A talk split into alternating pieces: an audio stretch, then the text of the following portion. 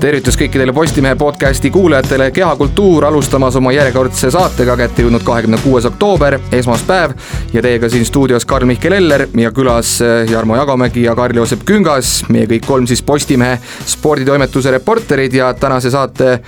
põhiteemaks oleme siis valinud Eesti korvpallikoondise ja seda eeskätt just sellepärast, et äh, veidi enam kui kuu aja pärast mängitakse kahe tuhande kahekümne teise aasta Euroopa meistrivõistluste valikturniiri mängud koroonaviiruse tõttu siis mullisüsteemis ja seda siis Tallinnas, nii et Tallinnasse tulemas äh, Eestiga siis mängima Põhja-Makedoonia ja Venemaa, nii et äh, see on siis see tänase saate põhiteema ja hakkame siis vaatama pihta sellele, et mis seisus Eesti korvpallikoondis sellele üldse vastu läheb, et äh, hakkame pihta nii-öelda mängijate kaupa, et äh, kes mängivad välismaal ja mis seisus nad on ja millises mi-, mida siis võib oodata meie korvpallikoondiselt äh, novembrikuus. aga võib-olla alustuseks üks mees, kes siis on päris palju nagu kandepinda saanud meedias, Kristjan Kitsing, eelmistel aastatel Kalev Cramo mängumees, aga nüüd siis läinud Leedu tippklubisse Vilniuse Ritasesse ja, ja tegelikult isegi vist läheb võib-olla isegi paremini, kui oleks võib-olla eeldanud või mis sina, Jarmo, arvad? jah, et äh, enne kui siin mängijate juurde tulla, tuleb see ka ära mainida, et ma siin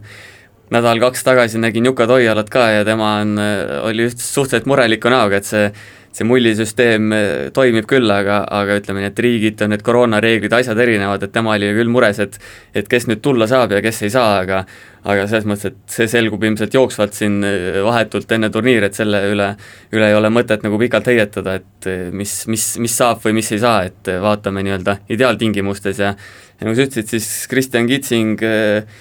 kes on olnud nagunii põhimees koondises pikki aastaid, nüüd läks Leetu, tuttava treeneri Donald Skairise juurde ja ütleme nii, et äh, õigel ajal õiges kohas, et siin teatud äh, osati tänu, tänu, tänu, tänu osade nii-öelda klubisiseste konkurentide vigastustele, muudele rumalustele on ta, on ta olnud suures rollis ja, ja ei ole nii-öelda usaldust, usaldust kuritarvitanud, et äh, korralikult punkte visanud, kolmesaja tagant sisse kõmmutanud ja nii-öelda oma rolli ära täitnud, et siin viimastes mängudes kakskümmend pluss minutit ja ütleme, et Riitase-suguses klubis, kes endiselt ikkagi nime ja tugevuse poolest Euroopa esimesse poolde kuulub, pole üldse mitte paha. no kas võib tekkida ka see olukord, et, et noh, nüüd on teada, et sinna klubisse tuleb nagu täiendusi ka juurde, aga et, et võib-olla siis on juba äh, Kitsing suutnud no ennast nagu juba seal nii kõvasti nagu sisse töötada, et või mis, mis sa arvad? no seal on, läheb huvitavaks selles mõttes, et nüüd toodi Eesti korvpallisõpradele ka üsna tuntud mees Maurice Undoor, kes on mänginud siis nii kaasani uuniks kui eelmine aasta Euroliigas Valencias, et tema praegu ootab Senegalis Euroopa viisat ja ja tema on tulemas, kindlasti tema tahab kõvasti mänguminuteid ja vigastusest pausilt on naasemas ka leedukas Martin Asekodas, Eh, kitsingust noorem ja kogenematum mees, aga, aga sama positsioon, ütleme, et et kaitses ilmselt tugevam ja lauavõitluses ka, et, et ei ole seal kitsingul midagi kivisse raiutud, et siin teistegi mängijate pealt on näha, et kui sa oled Euroopa tippkossus, siis eh, võivad need rollid kiiresti muutuda, aga, aga loodan muidugi parimat, et omas elemendis on eh, Kitsing ikkagi, ikkagi üks paremaid, ma arvan, võistkonnas, jah. jaa, Kitsing on ju ka Eesti koondises ikkagi no noh, aegade alguses põhimõtteliselt kuulunud ja ja kui vaadata vähemasti seda eelmist nimistut, kes siin eelmistes valikmängudes mängis, siis oli ta nagu vanuseliselt teine mees. et ikkagi ka väga selline kogenud ja väga oluline lüli koondise jaoks, kui me mõtleme, et see mingisugune trio või, või nelik, kes siin vahepeal siis kanguri vedamisel ka koondist eh, nagu tugida jalad olid, et siis peavad need mehed üle võtma siis koos Siim-Sander Venega tegelikult jah, puhtalt juba sellepärast on koondisele kasulik, nagu ta on klubiski, et tõmbab seda mängu laiali ja ütleme nii, et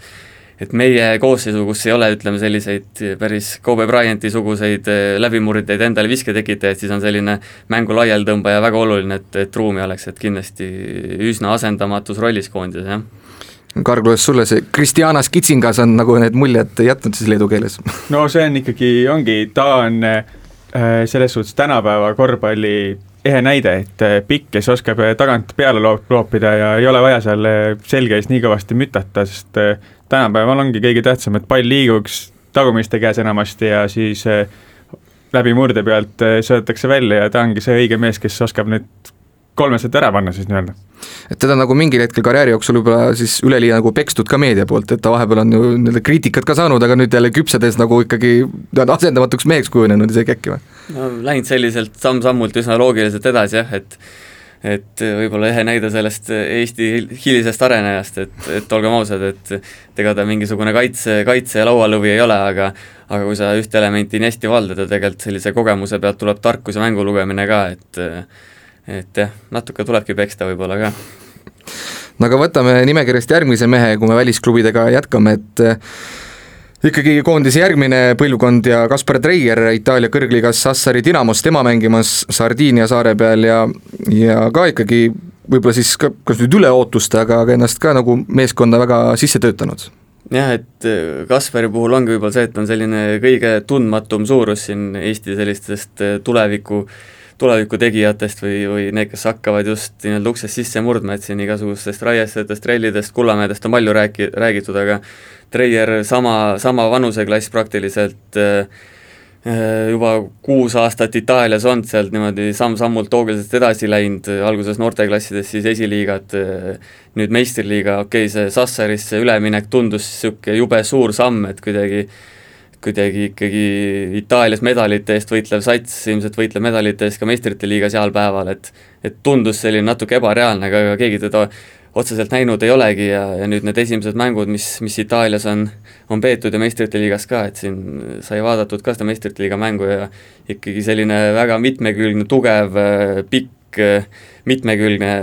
nagu see ka treener rõhutab, et et jah, et väga, väga hea relv tegelikult, mida, mida veel koondises pole kasutatud, aga ma arvan, et nüüd ta võiks olla küll suhteliselt olulises rollis, nüüd olenevalt sellest ka, kes, kes saab koondisse tulla ja kes mitte. ja just nimelt tulevikku silmas pidades, et sellist, sellise positsiooni peal on Eesti koondisel alati nagu pink päris lühike olnud. jah, et ta on võimeline mängima nii nelja kui kolme peal ja mis on huvitav ka, et tegelikult Eestis ei ole eriti palju mänge, kes selge ees oskaks mängida, et see ei olegi selline võib-olla väga tähtis element ka praegu, aga mingitel hetkedel need nii-öelda võõras keeles mismatch'id ehk siis ebavõrdsed vahetused ära kasutada, siis tema on selleks väga hästi võimeline, et, et väga huvitav kuju jah, võib-olla keda lihtsalt ei ole nii palju mängimas näinud, aga aga nüüd on põhjust vaadata igatahes. ja, ja põhjus ju ka selles siis peaasjalikult, et ta on ju Itaalias lihtsalt nii kaua mänginud, et ta on ju sealgi selles koduliiga mängija staatuses, et ta ei lähe nagu võõrleegionäri alla, et et, et Karl, kas sina oled ka siis suutnud mõnda mängu ka nüüd uuesti vaadata, mis Treieri ennast on kujutanud? ma ise pole jälginud tema mänge, aga kui nüüd võtta Eesti koondis, siis äh, vaadata, kes seal nagu selge ees nii-öelda teeksid, et siis ongi ainult Siim-Sander Vene, kes tuleb nagu kohe silme ette, kes julgeks võtta oma peale seal selgeis korvi poole. Ja see on nagu ma-, mängu lõppudes on just see väga tähtis element, et kui sa sinna suudad anda palli, ta suudab sealt midagi välja võluda, et raskel hetkel on see kõva-kõva relv me võib-olla Treier ju sai ka lisada, et tal on see Itaalia pass küll, aga aga nüüd ikkagi viimastes mängudes Sassari peatreener on usaldanud sellist kaheksat meest ja ja Treier on, on nende hulgas, et see näitab ka nii mõndagi, et tegelikult sellel satsil raha on ja sisu on, okei okay,, natuke nõrgemad on kui mullu, aga aga platsil see võib-olla nii palju, nii palju ei kajastugi, jah aga nimekirjas järgmine kolmas mees on meil välja toodud siis Henri Trell, tema siis mängimas Pesaro klubis juba tegelikult eelmisest aastast juba seal, aga aga sellel aastal nagu hooaja alguses tundus, et äkki suudab ennast nagu kuidagi rohkem kinnistada, aga tegelikult on vist päris hüplik olnud see hooaeg tal. Jah, et kui siin Treieriga võrreldes ja rääkides, et kellest on palju vähe räägitud, siis Treilist on söögi alla ja söögi, söögi peale räägitud, et et jah, et temaga niisugused kummalised lood seal Itaalias natuke on, et et eh, esialgu ta sinna väga tagasi ei tahtnud minna, sinna klubisse, et nad jäid ju püsima ainult tänu sellele, et koroona, koroona peale tuli, et nad olid konkurentsitult viimased, see aasta on eh, sats parem, tulemused paremad, treener parem, samas hooaja eel käisid jutud, et Rail tahetakse välja laenata, ei laenatud välja, ei leitud võib-olla sobivat, sobivat varianti, et eh, et jäi võistkonda, sai nagu alguses normaalselt peale, nüüd nüüd oli siin väike vigastus, peaks olema paranenud, aga, aga nüüd ei saa enam platsile, et sellised segased lood on temaga kogu aeg olnud ja tundub, et, et see trall läheb edasi ka. Ja tema ikkagi see mees, kes on selgelt välja öelnud, et NBA on ikkagi see eesmärk, kuhu, kuhu tahaks kunagi ühel ajal välja jõuda, et ja ütles ka ikkagi vist, et, et see, kus ta praegu on, pigem tema arengule aitab kaasa see klubi, vähemasti võib-olla nüüd mõni kuu tagasi oli see hiljutises intervjuus, et, et eks ole näha, mismoodi temal edasi läheb Itaalia meediast ütles välja jah, et seal on, seal on kogenud mehed, näiteks Carlos Delfino NBA kogemusega Argentiina legend, võiks öelda, et võib-olla ta saab seal sellist kogemust, aga, aga ütleme, et see tegelikult see NBA wildcard on endiselt nii-öelda taskust võtta, et et ega me tegelikult ei tea, mis, mis seisus tal nii-öelda mingisuguste satsidega kõnelused on, et okei okay,, see on üsna selge fakt, et esimeses ringis ta kaubaks ei lähe ja ja kohe, et NBA-sse ei siirdu, aga sellist potentsiaali võib veel endiselt ikkagi, võib endiselt ikkagi veel nii-öelda draft'is, draft'is valida, kuigi aktsiad on ilmselt natuke, natuke alla läinud, aga aga siin jah, võib-olla oleneb sellest ka, kas siin enne seda draft'i, mis see nüüd lükkus vist kaheksateist või kuusteist novembri peale, et kas enne seda saab ennast näidata kuskitel USA laagrites või mitte, et et see kaart võiks justkui tagataskus olla, aga ütleme, et iga kehva mängu, iga kehva nädal, iga kehva päevaga need nii-öelda aktsiad natuke jälle langevad võib-olla. Ja, ja kui vaadata koondise neid eelmisi mänge, mis siia kevad-talve jäid, siis võit Põhja-Makedoonia vastu ja kodus siis no ikkagi võitluslik mäng Itaaliaga, allajäämine, et tegelikult trell ju seal koondise eest jällegi oli noh, ikkagi no väga heas klassis tegelikult. no selles mõttes mingit säravat mängu tal koondisest ette näidata ei ole, aga ta on ikkagi selline käimatõmbaja ka mingis mõttes. jah, kes tahab tulla koondisesse, kes siin pingutab, kes ikkagi silmad põlevad selles suhtes, et mina arvan, et ta ikkagi satsis peaks olema, et et äh, ma arvan, et äh, läheb ikkagi, kui, kuigi tal on sellist ebastabiilsust, siis ta ikkagi saab ka vanust juurde, natuke targemaks, kogenumaks, Toiala, ma arvan, oskab teda enam-vähem ka nii-öelda piisavalt, piisavalt vabana hoida, aga natuke raamidesse suruda, et et ma arvan, et kui tal on võimalus tulla igal juhul, siis ta peaks, peaks igal juhul koondises olema ikkagi, jah mis muljed sul on trellist jäänud tema, tema nii-öelda alanud karjääri jooksul? no see on äh, väga enesekindel äh, tüüp on ta küll, et äh, selle, selle koha pealt ei saa midagi talle halvasti öelda, et ta julgeb ette võtta, tal see väljatulemine ongi niisugune, et kord tuleb, kord ei tule, aga no ütleme nii, et laseme natuke mehel võib-olla areneda veel et aga sellest NBA jutust rääkida, siis eh, see on nagu läinud juba aina kahtlasemaks, sest eh, ma olen natukene pilku peal hoidnud sellele, et eh, kuidas nagu siis need analüütikud hindavad tema võimalusi, siis kui varem on ta ikkagi mahtunud sinna kuuekümne sekka üsna tihti, siis nüüd on ta juba langenud sinna saja piiri peale, et ütleme nii, et et väga-väga ebatõenäoliseks hakkab see muutuma, et ta sellel aastal valitakse ja kui teda ei valita, siis eh, pigem jääb see NBA-ga katki, siis ütleme niimoodi, et eh, sinna hiljem saada on päris raske. jah, et võib-olla see variant ongi, et kui ta see aasta ei lähe NBA-s kaubaks, siis kunagi jah, teist teed pidi võib-olla sinna minna, kui ta kui ta väga tahab ja soovib, et võib-olla selline jah, samas ikkagi kakskümmend vaatab passist ette, et veel midagi nagu kriitilist ka ei ole, aga aga selles vanuses oleks vaja ikkagi mängida, kui sa tahad NBA-s tegijaks ka saada, et võib-olla seal pingi pealt on igast mahlamütse läbi käinud, aga ma ei usu, et see, et ta sellega ka piirduda tahaks karjääri jooksul. no elame-näeme, kuidas temal asjad siis minema hakkavad, tõesti, et karjäär veel pikk, et loodetavasti ees ootamas, aga aga Siim-Sander Vene, et üllatus-üllatus, et meeskonna kõige kogenum mängumees saab juba selleks hetkeks kolmkümmend, kui need koondise mängud nüüd ees ootavad ja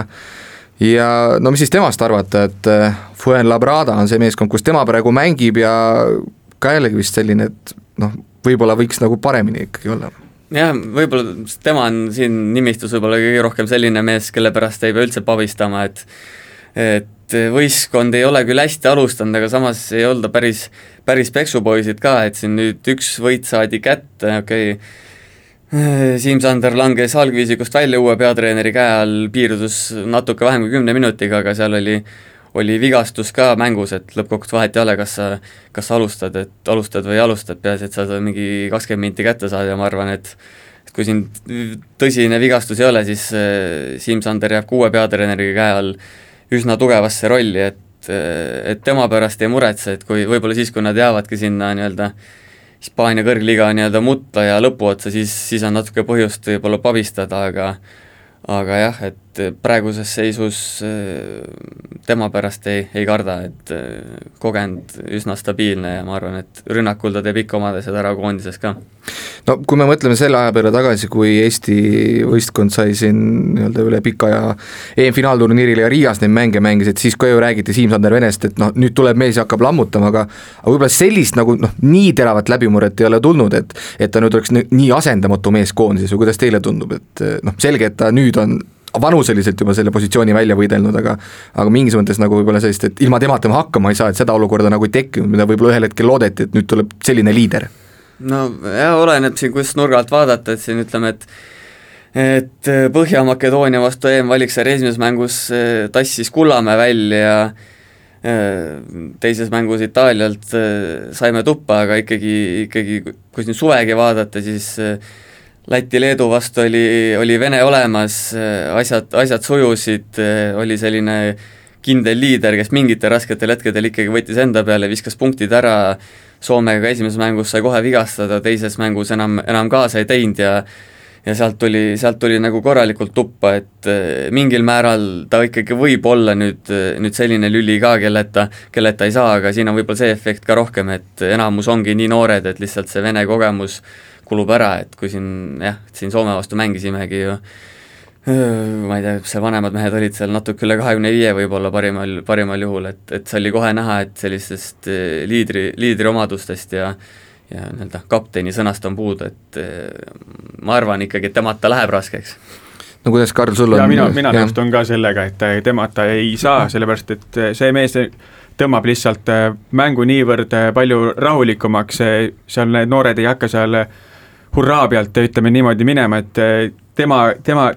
temast käib see ikkagi nagu rünnak käib läbi tema kogu aeg. Ja temalt lihtsalt ei saa, ütleme niimoodi, et nagu ma enne ka välja tõin, et siis eh, tema on see mees, kes julgeb võtta, kellel on see kogemus seal mängu lõppudes enda peale natuke hakata võtma. Ja tihtipeale ta ikkagi lahendab ära ka, kuna tal on eh, ikkagi oskuste pagas on eh, päris, päris suur ja, ja noh, Siim-Sander Vene kahtlemata, et noh, kui kolmkümmend nüüd lööb ette, et, et, et noh, karjääris nagu see suurem osa on vast juba käidud või, või Armo, mis, mis, kuidas sina nagu seda oled jälginud? arvestades, et ta käis üsna noorelt, eks juba Leetu vist ära, seal mingi viisteist, kuusteist, et siis pigem, pigem nii palju enam otsa ei pane, aga Valmo Kriisat ei tule või? seda vist ei tule, et ta on niisugune, pigem niisugune rahulik kahe jalaga mees või kahe jalaga maas mees, et, et et mingi hetk vajab ilmselt pereelu elamist ka, aga, aga selles mõttes, et nii kaua, kui ta mängib, ma arvan, et ta on äh, väga kindel lüli ja tema, tema pärast muretsema ei pea, et, et, et midagi, midagi halvasti läheks, et tema selline võib-olla nurgakivi on praegu, keda, kelle peale võiks üles ehitada asja, jah.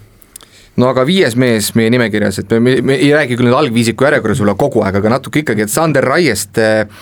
no kõige kõvemal tasemel siis mängib praegu Euroliiga meeskonnas Victoria Baskonias ja ja no sealt ikkagi noh, see tase mängibki seda rolli, et ta ei ole seal noh, selgelt algviisiku mees, aga omad minutid on kätte saanud ikkagi. Jah, mingi, nüüd on see muidugi olukord vähe, vähe, vähe õhemaks ja kehvemaks läinud, et et äh, siin teatud hetkel oli tal kindel selge roll, et ta alustab äh, algviisikus, äh, mõnikord sai teisel poole alguses ka natuke, teinekord ei saanud, et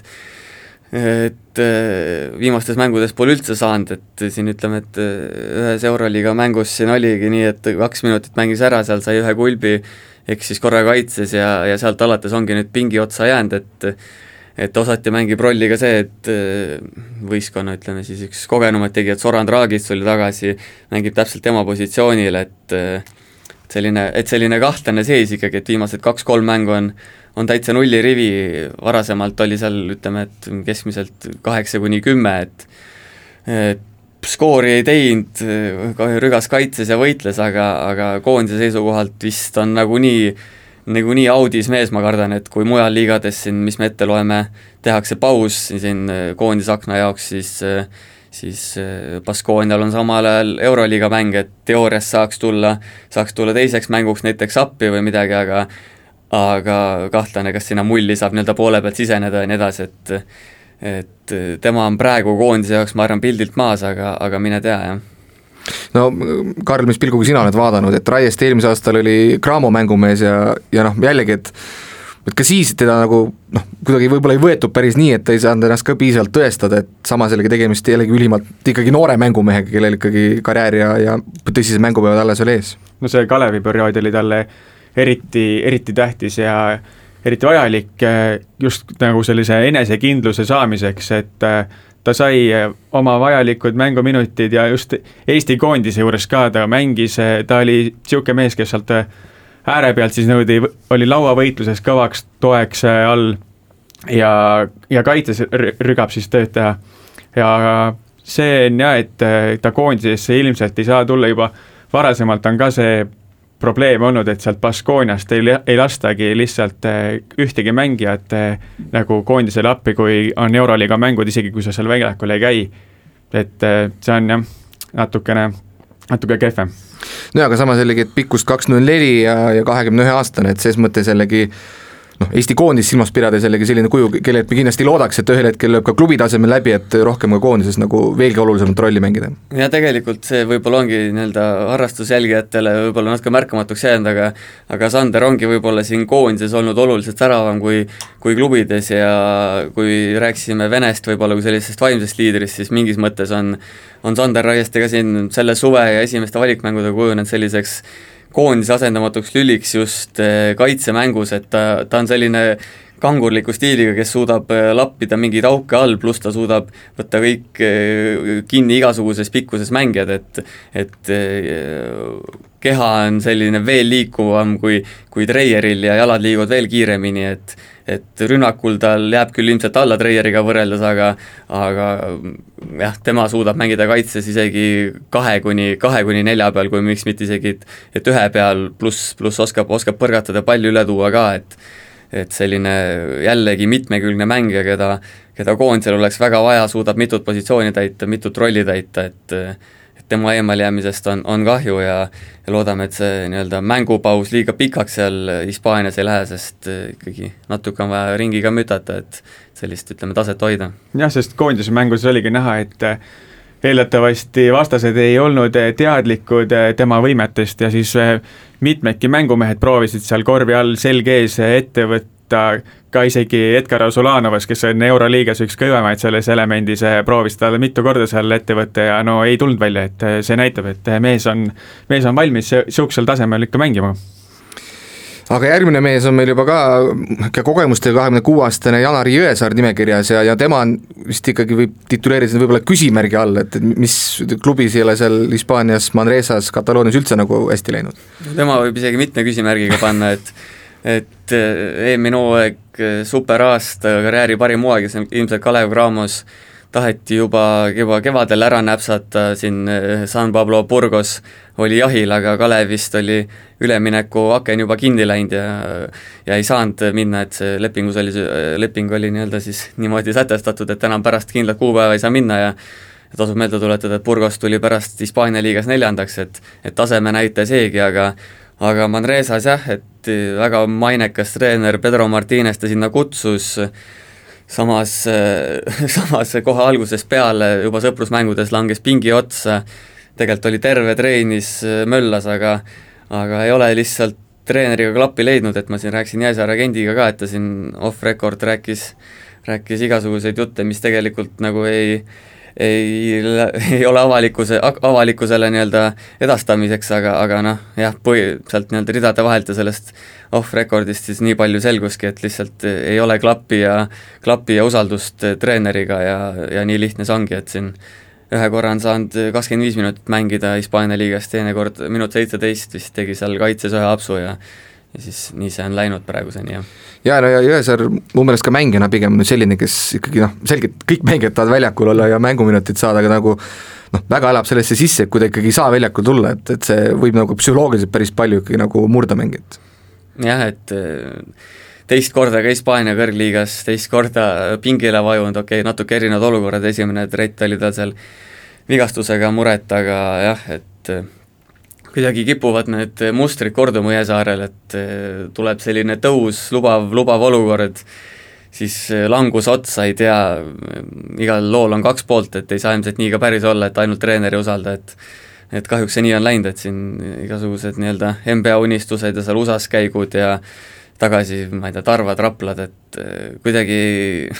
jääb midagi alati, alati puudu, et, et see kakskümmend kuus ei ole veel päris selline mingisugune äh, maailma suurim vanus ka, aga samas, samas nagu mängutase justkui kannataks, aga, aga ei saa, ei saa peale. no nagu Ameerika mägedel natukene, aga samas jällegi koondise aken talle kindlasti võiks suurepärane võimalus olla, et, et ja, ennast tõestada. muidugi, selles suhtes, et isegi vaatasin seda seda mängu, kui äh, Jõesaar sai siis väljakul jälle kahekümne minuti, et äh, tegelikult äh, ta seal ei teinud mitte midagi halvasti ja mängis oma, oma rolli sealt ideaalselt välja, peaaegu seal kaksikduubel oli tal protokollis lõpuks märgitud, et äh, ei saa üldse aru nagu jah, et äh, miks, miks, miks ei lubata teda väljakule, et seal mängus vähemalt näitas küll, et, et miks ta sinna Hispaaniasse siis nii-öelda kutsuti, et et koondis on tõesti jälle siis koht, kus nagu enda mängu, mängunälge siis rahuldada, ütleme niimoodi, et võtta seal kõvad lauad maha ja kaitses rügada ja küll need visked ka sisse hakkavad kukkuma. ja sõltub jällegi, mis siis positsioonile ta koondises nagu maandub, et et no algviisikusse oleks võib-olla siis liiga, liialt panna, kui sa pole jällegi praktikat väga palju saanud. jah, oleneb, kuidas siin võtta jah, et et tema on ka võib-olla selline mees, kes eh, viimastel aastatel vähemalt koondises ei ole selline, et ta peaks viskama hullult palju punkte, et ta hakkaks seal midagi vägistama, et tema ongi mõnikord vaatad, mängib seal kolmkümmend viis minutit, ma ei tea, võtab seal kolmteist, neliteist, viisteist lauda, kaks punkti enam-vähem, et et tal on ka sellised eh, teised ülesanded seal, et, et eh, kaitses lappida, rünnakut eh, laiali tõmmata ja nii edasi, et tegelikult siin sellistest mitmekülgsetest ründaja kaitsemeestest saaks päris huvitava viisiku kokku, aga, aga jah, et siin ütleme, et et ta võiks, et ta võiks ikkagi koondises olla, olla tähtis tegija jah, et siin ütleme, et sinna Siim-Sander Vene, Vene klassi võib-olla, et ikkagi üks olulisemat, üks olulisemaid tegijaid ja kahtlemata järgmine mängumees, kelle ette võtab, on kahekümne kolme aastane Maik-Kalev Kotsar, et pikalt-pikalt siis Ameerika üliõpilasliigas mänginud ja sellest aastast siis profiklubis Saksamaal Hamburgis ja ja kaks üksteist pikk mängumees, et no temagi koondise eest jällegi võib-olla, jällegi need mängud ootavad ees, sest pikalt-pikalt ei saanudki ju ta tulla, kui seal Ameerikas oli. jah, võib-olla tema on selline, keda ootab, kelle mängu oot-, ootame kõige, kõige rohkem, et ta siin mingi hetk, mingi suvi sai käia, siis ta oli veel selline, ütleme, ütleme, mitte kõige küpsem, mitte kõige küpsem seal USA-s veel, et siin viimasel hooajal sai ennast alles South Carolinas käima, tegi, tegi statistiliselt hea hooaja, tegi tegi vaimselt, sai peas asjad korda igas mõttes, tegi, tegi korraliku hooaja ja nüüd nüüd valmistub Saksamaal esimeseks profihooajaks siis nagu päris meeste vahel ja ja ütleme nii, et, et tegelikult niisugune kahtlane olukord, sellepärast et Saksamaal algab hooaeg, kui ma ei eksi, siin kuues, seitsmes, kaheksas november alles, et eh, kaks nädalat pärast seda on juba koondise mängud, et et äh, praktikat ühest küljest ei ole, teiselt, teisalt nagu paar nädalat on alles mängitud, kas lastakse koondise juurde, pigem lastakse, sest Saksamaal on paus ette nähtud, sakslased ise mängivad ka kindlasti, et et äh, huvitav saab olema. Ja samas jällegi, et eeldatavasti Toialil ikkagi oleks vaja kaks üksteist pikkusega meest nagu koondisesse, et selles mõttes oleks ilmselt patt mitte kutsuda, on ju ei kutsumata ta kindlasti ei jää, et ta võiks et äh, siin jah, seda luksust ei ole meil, jah. võrreldes Rauno Nurgeriga võib-olla ikkagi grammi võrra tugevam ja samm edasi, et et tema võiks olla küll see mees, kes nüüd selle sentri koha lukku paneb siin kümneks aastaks vähemalt. jah, sest ta on, põhimõtteliselt ta ongi ainus Eesti siis eh, nii-öelda keskmängija reaalselt, kellel on nagu gabariidid ka olemas selleks, et seal all nagu võidelda nende suurte kollidega, siis no ütleme jah, ja pluss on tema, tema puhul jälle tuleb jälle see mitmekülgsus mängu, et ise on öelnud ka enda, nagu enda kohta, et ta seal äh, ülikooli viimastel aastatel ikkagi tihtipeale vahetati kaitses, jäi mängujuhi tagamängija vastu kaitses mängima, ütleski, et et kõik üritasid tema vastu ära teha, aga ei teinud ära, et ta ütles, et ta on põhimõtteliselt võimeline kõik, kõik mehed, mehed kinni võtma, et et äh, see on kindlasti positiivne märk ja ja nii palju veel ka, et siin võib-olla on palju kriitikat tehtud selle üle, et miks see, miks ta läheb äh, Saksamaa, Saksamaa kõrviga viimasesse klubisse, aga aga ikkagi see taust oli, oli üsna, selge ja kindel, miks ta valiku tegi, et äh, treener oli üsna sarnane sellele, kes tal oli South Carolinas Frank Martinile, et sellised detailsed ja ja nõudlikud treenerid, pluss Hamburg nüüd siis teist aastat Saksamaa kõrgliigas sai siin koroona ajal isegi rahalist tuge juurde, muutusid professionaalsemaks, seesama treener nõuab, uus treener ka siis, kes, kes tuli ka siis nüüd koos Kotsariga nii-öelda nõuab, tahab ja ja tahab maksimaalset professionaalsust, et kindlasti hea valik, et, et see Saksamaa kõrgliiga on igal juhul võib-olla siin Itaaliast, Hispaaniast nõrgem, aga aga juba sinna ütleme, et Prantsusmaa, Prantsusmaa liigi ja Eesti-Läti liigaga ei anna võrreldagi. jah, see, see see kaitsemängu osa ongi Kotsarile see USA taust annab nii palju juurde, kuna USA-s mängitakse enamasti ikkagi seda nii-öelda katetega mängu, et äh, seal pikal mängijal lihtsalt tuleb kogu aeg äh, seda tagamängijat seal katta, et äh, suur, suur osa mängust, et see, see element ongi võib-olla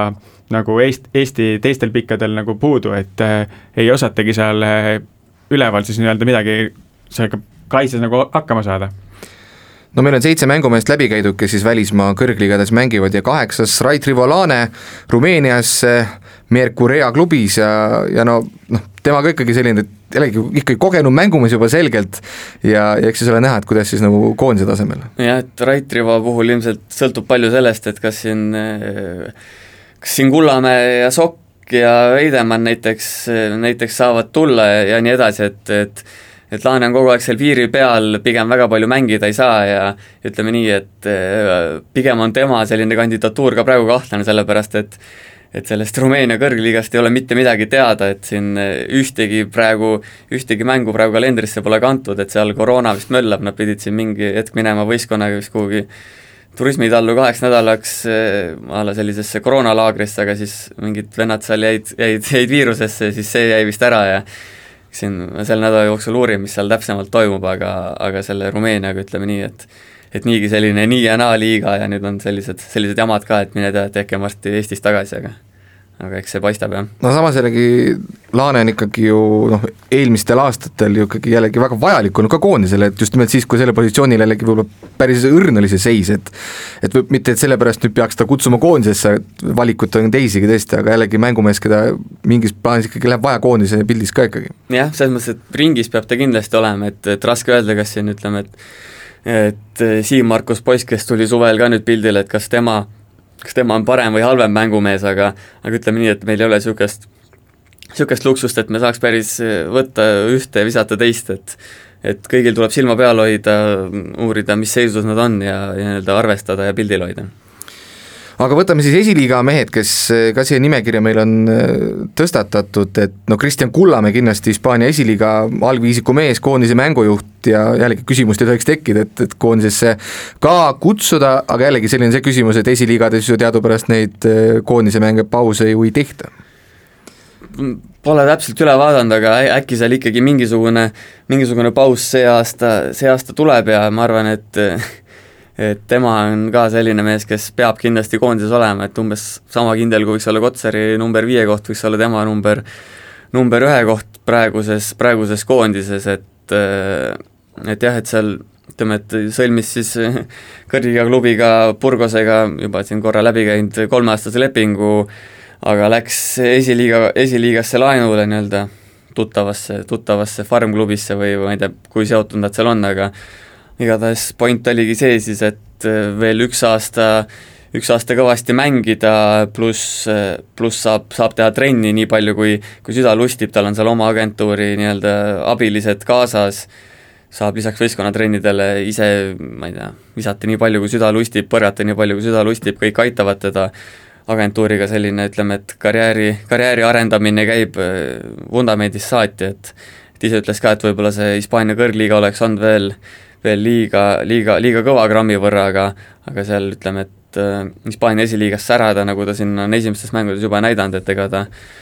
ega ta seal eriti ei pea mõtlema, kas, kas visata või mitte, et see, see võib talle kasuks tulla küll ja ja need varasemad koondise mängud on näidanud ka, et ega ta, ega ta midagi ei põe ja, ja oskused on olemas. jaa, et tema kindlasti see mängumees, kes noh, ikkagi jalaga lõi koondise ukse lahti ja tuli ja hakkas tegema kohe. jah, nõus, et aga ta on ka niisugune mees, kes on nagu ikkagi kahe jalaga ikkagi maa peal, et ei ole vaja kohe kuskile pilvedesse ära tõmmata, kui sa viskadki siin äh, Põhja-Makedoonia või satsile viskad kolmkümmend silma ja et oled nüüd tegija, et ei ole niimoodi, et sa pead ikkagi kõvasti tööd edasi raid-, raiduma, et seal ei ole niimoodi, et et sulle antakse kõik kandikul kätte, kui sa oled ühe mängu seal kõvasti teinud, et sa peadki stabiilselt neid Äh,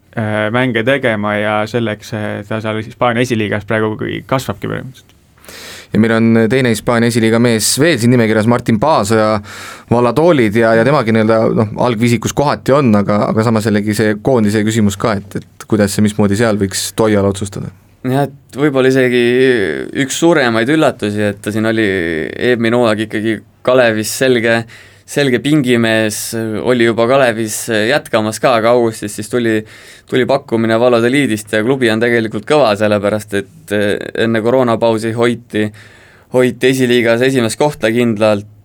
kõrgliiga sihiga ollakse ka praegu, klubil on, on raha, nüüd see hooaeg mindi kokku veel siis meistriliigas mängiva jalgpalliklubiga, Hispaania jalgpalliklubidel rahast puudust teadavasti, teatavasti ei tule ja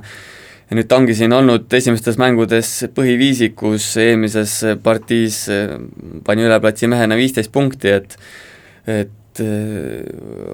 vaata, et kõige kõvem hooaeg siin tulemas, et on siin Kreeka esiliigas paugutanud küll, aga ma pakun, et Hispaania on isegi, isegi nõksa, nõksa kõvem ja see võistkond on kindlasti, kindlasti tugevam ka nii ülesehituselt kui professionaalsuselt kui nii-öelda komplekteerituselt, kui need, kui need varasemad välismaad retid nii Rumeenias kui Kreekas. ja see oli Jarmalt hea tähelepanek tõesti, et, et Cramos ta nagu hajus siin ära selle satsi taha, et, et nüüd on jällegi samas, samas nagu pildile tõusnud või kuidas sul on mulje jäänud, Karl? Jaa, et äh, see üllatav samm tõepoolest, et äh, ma jälgisin seda Kreeka, Kreeka esiliigat, et äh, kui siin võrd-, võrdlus Hispaania esiliiga ja Kreeka esiliiga, siis siis ma arvan, et väga palju ei saa isegi seda võrrelda, sellepärast et Kreeka esiliigas mängivad niisugused julgelt üle neljakümne mehed juba, et et seal, seal on osad võistkonnad ikkagi niisugused professionaalsed nii-öelda, et väga, väga kõva samm ja Äh, arenguvõimalus jälle ja saad endal sealmaal pildile mängida, et äh, seda, seda esiliigat jälgivad ikkagi päris paljud kõrgliigad ka, et äh, sealt on võimalus väga lihtsalt saada nii-öelda siis leping järgmiseks aastaks kuskile mõnda teise Euroopa meistriliigasse nii-öelda, et väga-väga hea samm ja Eesti koondise vaatevinklist, et üks suuremaid töömehi, et tema võibki seal terve mängu kas või võtta seda number ühte ja ära ei väsi, et äh, selles suhtes, et väga-väga, äh, vajalik mees Eesti koondisele. Aga vajalik mees Eesti koondisele on aegade jooksul olnud ka Rain Veidemann, kes siis nüüd sellest hooajast Saksamaa esiliigas Rostokis ja ja no tema ka neid klubisid on vahetanud siin ikkagi, no ei jõua kõiki kokku lugeda kindlasti, kakskümmend üheksa aastat vanust, aga samas jällegi, et et eh, noh, jällegi võib-olla see noh, tippude tipp on jäänud saavutamata, samas kakskümmend üheksa jällegi pole nüüd see vanus, et öelda, et nüüd mees, et puhka jalga, on ju. jah, et see on, Veidemanni karjäär on ka olnud selline kummaline, et seal ütleme, et kahekümnendates ja enne seda juba Tarvo aegadel ja siin esimesed ringid eh, Tartus ja Kalev Cramos võib-olla olid sellised, sellised väga säravad, pärast seda need Itaalia esiliiga, esiliiga tretid, nüüd, nüüd Saksamaa, et selline ütleme kuidagi, ma ei tea, kas mandumine või ütleme, sellist sära ikkagi enam tema mängus väga palju ei ole, et et eh, võib-olla kunagi ta need läbimurded olid jube teravad, lahendas need ära, nüüd on need kuidagi vähemaks jäänud, samas oskab ta endiselt punkte visata, kaugvise on võib-olla veidi, veidi ebastabiilseks jäänud, aga, aga nii suures rollis ta enam koondises ei ole, kui siin mingi hetk võinuks arvata, et, et olgem ausad, siin number kahe, number kahe-kolme positsioonil on päris tihe rebimine ka, et siin Paasoja, Veidemann, kumbki tegelikult eh, ei ole koondis, koondises võib-olla olnud siin isegi viimastes mängudes eriti tähtsas rollis, et isegi Paasoja pole siin paar korda koosseisu saanud, et et seal ütleme nii, et eh, täitsa oleneb, ole, oleneb päevast, et eh, õnneks nüüd Veidemann tegelikult seal Saksamaal ma ei tea, raske öelda, kas see on parem või halvem kui, kui Itaalia, aga, aga treener on seal igatahes, igatahes kõva ja sats tundub korralik, et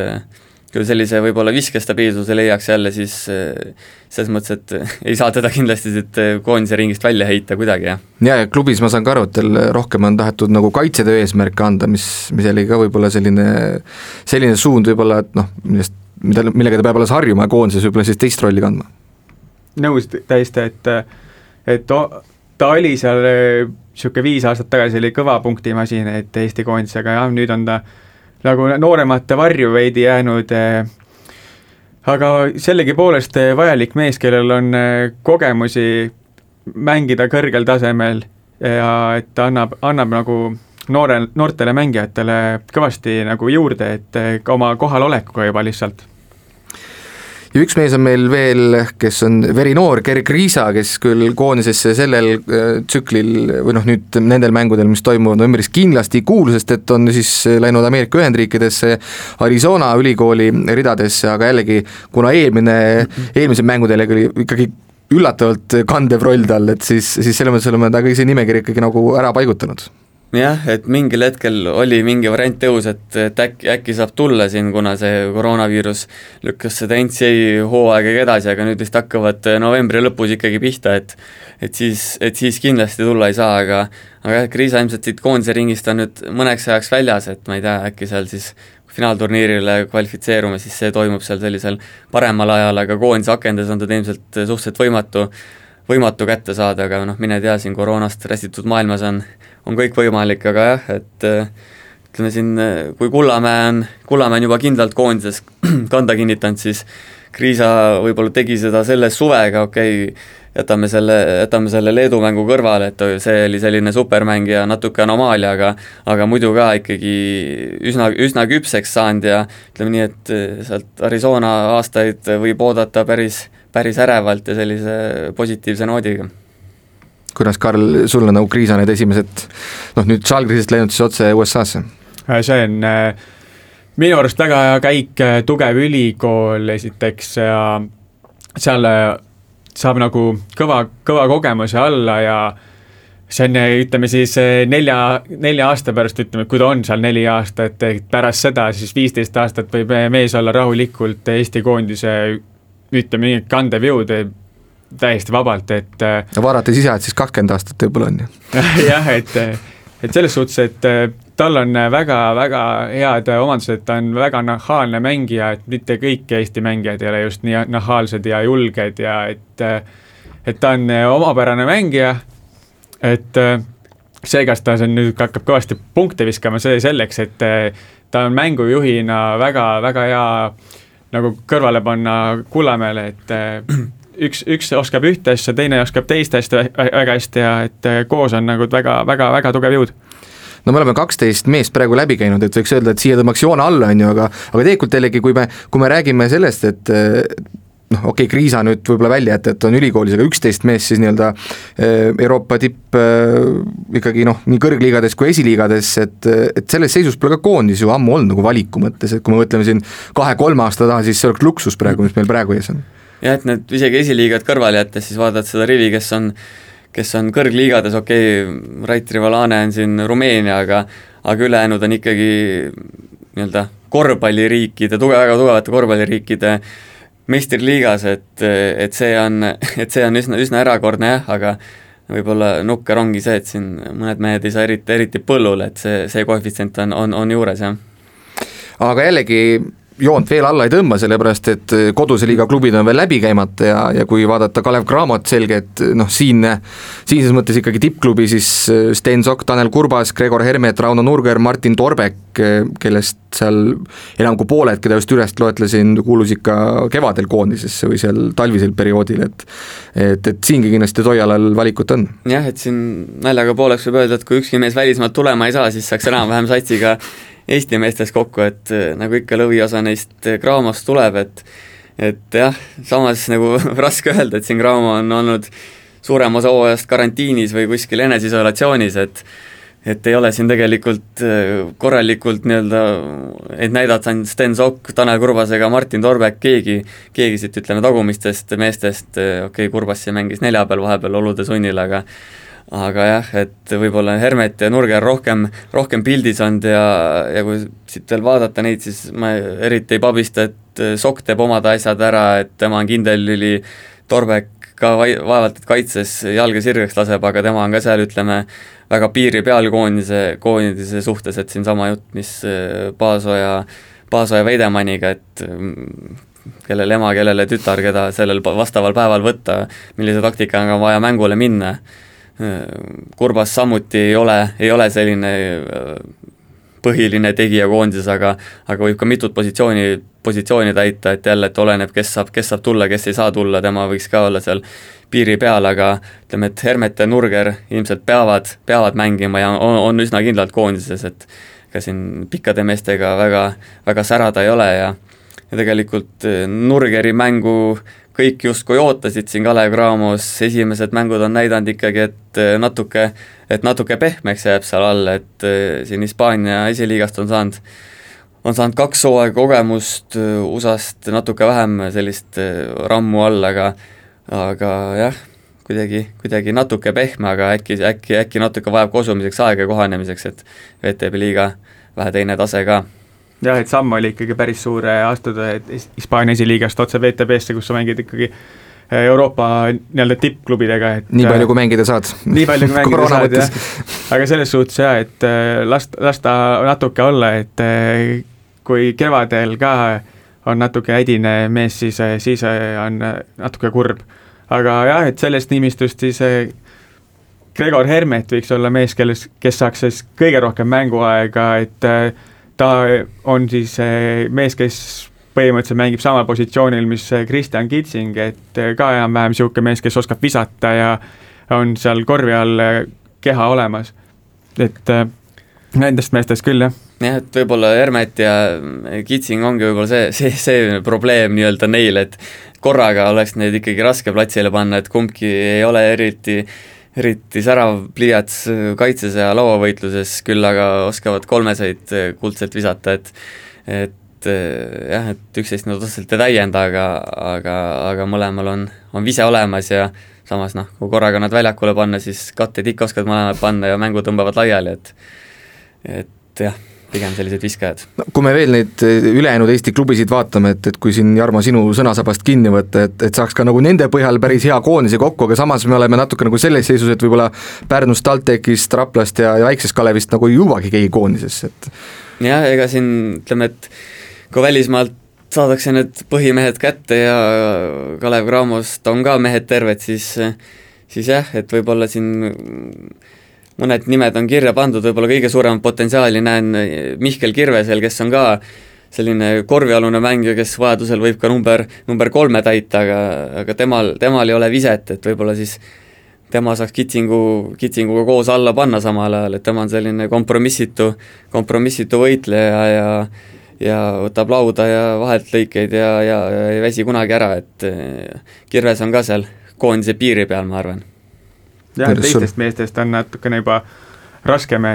võtta siit, et äh, kui TalTechist olete Jaan Puidet, Erik Keedus, Indrek Kajupank, et äh, kui sealt jah, ülevalt saadakse ikkagi mehed kätte, siis nendel nagu siin väga, väga asja enam ei ole koondisesse. jah, et tegelikult see on hea näide siin jälle, et äh, Pärnust on Robert Valge kirjas ja TalTechist Jaan Puidet ja Raplast Simon Sutt, et see näitab jälle ära, et seal number kahe-kolme peal on ikkagi nii, nii pööraselt palju neid mehi, et et et jah, valik on siin, valik on siin Toialal raske, et et palju me siin neid number kahteid oleme ette lugenud, mingi seitse-kaheksa umbes, et tegelikult neil, tegelikult ei ole suurt tasemevahet, ma arvan, ka Simon Sutil ja näiteks Martin Paasojal, et okei okay,, Paasoja võib-olla natuke rohkem ennast tõestanud ka, ka välismaal, aga tegelikult kui nad panna kõrvuti nii-öelda paberil või ma ei tea, üks-ühte mängima, siis vahe, vahe on põhimõtteliselt olematu. jah, et siin ko-, kogemus ka, ka maksab, et eh, selles suhtes, et koondise mängudes, et ei, sa ei saa lihtsalt eh, võtta vahel niisuguseid mehi, et kes, kellel ei ole niisugust mängu üldse all enam. Et eh, sõpruskohtumised võib-olla on see selleks, aga aga kui sa reaalselt mängid seal punktide peale, et see, siis lööbki see välja, et keda sa tohid sinna panna, keda sa usaldad, et siis ongi, et võtame Martin Paasoja pigem ennem, kui võtad kellegi teise näiteks. Jah, aga kui veel natuke vaadata siin selle nimekirja lõppu, siis võib-olla äh, kui need Cramo mehed ja Kirves kõrvale jätta, siis selline nii-öelda wildcard, jälle kui seda sõna kasutada, võib-olla Siim-Markus Post, et et Toiala on seda varianti kasutanud, et, et oleks sellised kaks, kaks meest, kes oskas, oskaks põrgatada palli, et kui siin Sokk koondises vahepeal ei käinud, et eh, suvel, et siis oligi, oligi Poss teine mängujuht Kriisa kõrval, siis polnud Kullamäed ka, et et olenebki, kui nüüd eh, näiteks eh, Kullamäe ei tule või või, või, või Sokk ei tule, emb-kumb või isegi, isegi kui mõlemad tulevad, siis olenevalt taktikalisest plaanist võib ka Post olla seal kolmas nimi, et temal on ka võib-olla sellised viiskümmend, viiskümmend lootused just, just tänu oma positsioonile, et et äh, Veidemann ja Paasoja pigem ei, ei tahaks panna ühe peale, et ise nad seal ei eelista eriti mängida ja siis mis seal nagu ikka nagu selles mõttes, et vaja, vaja vägistada, jah. no igal juhul üheksakümmend üheksa koma üheksa protsenti nendest mängijatest oleme läbi käinud, kes võiksid koondisesse nüüd äh, pürgida, aga, aga jällegi lõpetuseks küsimus siis selline, et meil on see neljaliikmeline alagrupp, äh, Eesti, Itaalia, Venemaa, Põhja-Makedoonia ja eesmärk on sisuliselt ühte meeskonda edestada, et pääseda EM-ile. Itaalia on EM-il juba pääsenud korraldajana, et üks eesmärk tundub nagu vägagi saavutatav, samas jällegi, et võib-olla tahaks nagu ihkaks veel, et tahaks hoopis nagu teiseks saada no selles mõttes, kui me siit alagrupist edasi ei lähe, on ikkagi selgelt lati alt minek, et siin ei ole nagu midagi, midagi väga arutada, et äh, teoorias ei pea me ühtegi mängu enam isegi võitma, et teda ei saada, sest võitsime võõrsil Makedooniat üheksaga, kaotame kodus kaheksaga, oleme praktiliselt EM-il, aga ega see kui nüüd tõsiselt rääkida, siis Põhja-Makedoonia päris nüüd nii nii nõrguke ka ei ole, samas Itaalia, Venemaa paberil justkui tugevamad, aga aga ma arvan, et, et siin ei tasu nagu midagi juhusooleks jätta, ma arvan, et, et saame normaalse satsi kokku, võiks kohe kaheksakümmend kaheksa november Venemaa ära karistada, jälle mm -hmm. oleks seis, seis palju lihtsam, et ega Venemaal on ka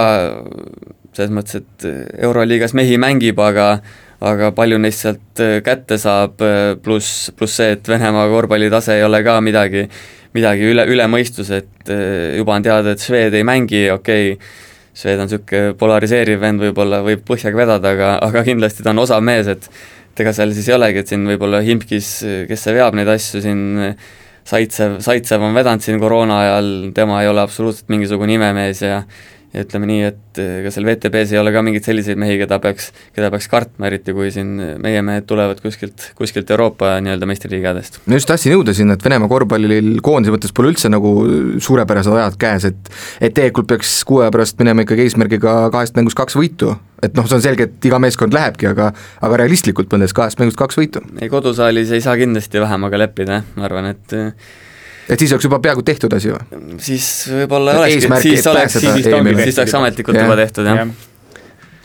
kuidas, mis, mis sa, Karl, arvad, et see kahest mängust kaks võitu on nagu, oleme liiga nüüd pilvedes siin, et või, või pigem ei, pigem ei ole pilvedes, et kui saadakse mehed kokku, vajalikud mehed, tasemel mehed, siis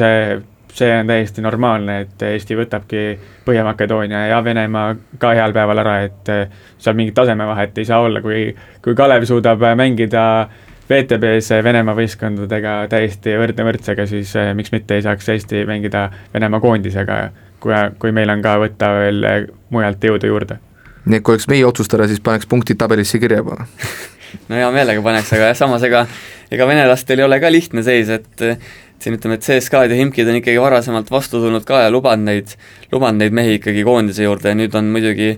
muidugi seis natuke keerulisem, et siin, kui siin pead avapäevast kohe mulli tulema ja ja kuskil nii-öelda laveerida ei saa, siis, siis läheb olukord raskemaks, aga aga see on juba ikkagi teelatehnika, nagu ütlevad idanaabrid, et see, et see selgub jooksvalt, aga aga jah, isegi siin ütleme, täiskoosseisus ei, ei tohiks midagi midagi imet olla, kui jah, kui me just ei pea mängima ainult Eesti liiga meestega. nii et kütsime saate lõpuks ikkagi emotsiooni üles, et eh, nüüd magamata ööd veel kolmkümmend päeva ja siis, siis läheb eh, andmiseks lahti Tallinnas, et et, et ikkagi see, et kodusaal on ka nagu, oligi, et, et see on ka nagu mingis mõttes noh, kas nüüd paine, aga ikkagi meie ei pea nüüd või meie koondis ei pea nüüd minema kuhugi Euroopa teise otsa ja